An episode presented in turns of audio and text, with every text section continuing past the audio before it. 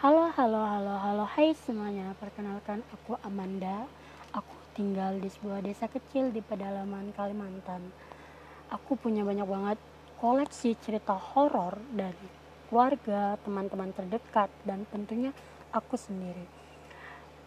Kali ini aku bakal menemani malam teman-teman dengan menceritakan sebuah cerita horor yang datang dari abah atau babah atau bahasa Indonesia-nya itu ayah papa dan lain-lain.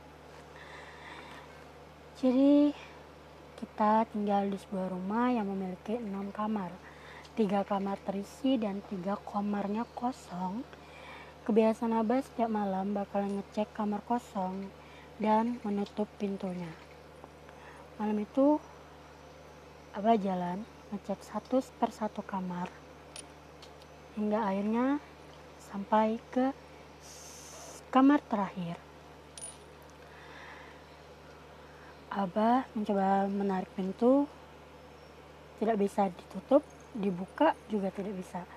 Sampai akhirnya kesabaran Abah habis dan menendang pintu tersebut.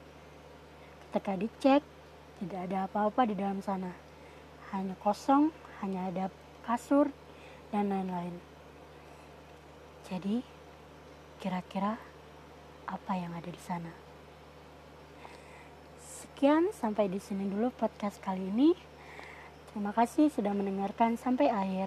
Sampai bertemu lagi di episode selanjutnya. See you.